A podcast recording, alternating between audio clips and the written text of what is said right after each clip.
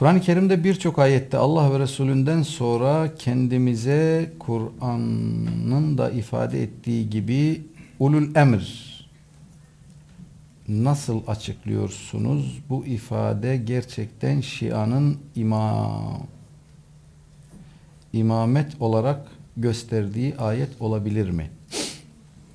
Ee, Buradaki ulul emr ifadesi e, arkadaşlar umum bir ifadedir.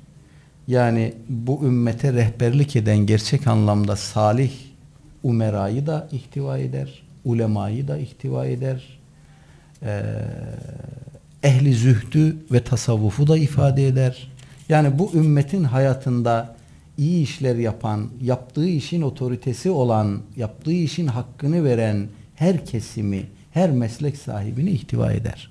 Alim de vardır aralarında, abid de vardır, zahid de vardır, umera ve sultanlar da vardır. Dolayısıyla bunları masum imamlara vesaireye yormak için ayrı bir hususi delil lazım.